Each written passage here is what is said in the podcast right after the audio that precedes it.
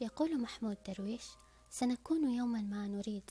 لا الرحلة ابتدأت ولا الدرب انتهى. الأمل غذاء للقلب والروح. وجوده ينعش حياتنا. يعطي القوة للأجنحة التي ذبلت طويلا دون جدوى. الأمل إنه الشمس التي تشرق بدون غروب. خطواتنا الثابتة بدون أثر. حلمنا الخفي المدفون بداخلنا. أينما اتجهنا وأينما نظرنا فإننا ننظر إلى أنفسنا مكللة بالأمل مستنيرة بشمسنا التي لا تنطفئ. مع الأمل سنرى أماكن أخرى بحار أخرى سفن أخرى طرقات أخرى. سنرى العالم من كل مكان. في أوقات كثيرة تمر علينا متقلبة عصية على الفهم. نظرتك للحياة فيها غير متزنة وغير واضحة تماما. أفكارك وأنت في مزاج مكتئب ومظلم غير تماما لما تكون في حال الفرح أو السعادة. في أوقات الكآبة تتولد بداخلك أفكار سلبية عن نفسك وعن عالمك وعن مستقبلك بشكل متكرر ومتردد. وعكس ذلك لما تكون سعيد أو مرتاح نفسيا بتلاقي أفكارك سليمة ومعافاة تماما. فيها من الأمل والتفاؤل والصبر والقوة. لذا علينا فعلا نختار الوقت اللي نفكر فيه بشكل سليم. وقت نسهب فيه بأفكارنا وإحنا مطمئنين تماما. أعرف متى تختار الوقت المناسب للتفكير. الوقت المناسب اللي تتخذ فيه القرارات. الفترة اللي تكون فيها فعلا متزن تماما. أما الفترة اللي تكون فيها مكتئب أو مزاجك حاد ومظلم قلل من حدة التفكير في المستقبل أو نفسك أو عالمك. لا تتخذ أي قرار فيها. عاملها معاملة فترة وبتعدي. بخيرها وشرها. لا تسهب فيها بعمقك ولا تتوغل في التفكير في أمور تخص حياتك ومستقبلك. لما نكون في مزاج جيد نظرتنا للأمور تكون جيدة أيضا. وكذلك الأمر لما نكون في مزاج سيء نظرتنا للأمور سيئة وضيقة جدا.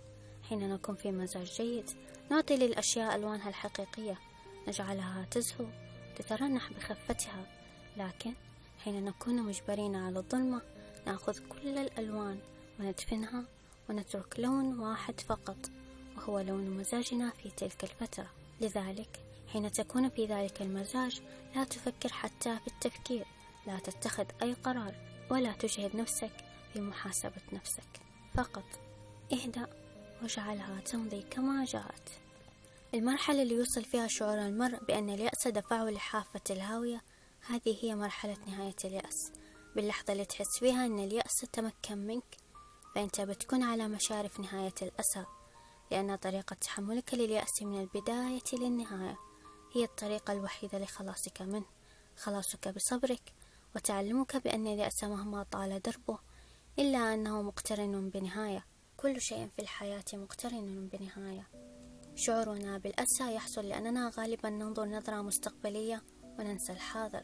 دائما نفكر في النتائج وننسى نفكر في طريقة الوصول لها. ننظر للحلم وننسى نسعى له. لو تحتاج تخفف عنك الأسى والحزن لازم تركز على لحظة الآن.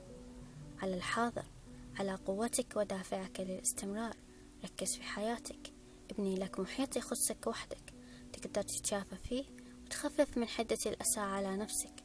تأمن نفسك وروحك وقلبك دائما خليك النقطة الوحيدة اللي تركز فيها كل حواسك. أصلح محيطك من الداخل عشان تقدر تصلح وتتحكم في محيطك الخارجي. وثق تماما أن في كل خطوة في مشوار تحسين روحك وشفاء قلبك عند الله شيء كبير وأنها تصنع فارقا ولو كان بسيط. أختم هذا البودكاست باقتباس من كتاب خراب كتاب عن الأمل لكاتبه مارك مانسون. انعدام الأمل هو جذر القلق والمرض العقلي والاكتئاب. إنه أصل البؤس كله وسبب حالات الإدمان كلها. ليس في هذا الكلام أي مبالغة. إن القلق المزمن أمل. إنه الخوف من مستقبل فاشل. الاكتئاب أزمة أمل. هو الاقتناع أن المستقبل لا معنى له. الإدمان والأوهام والهواجس. كلها محاولات اضطرارية يقوم بها العقل.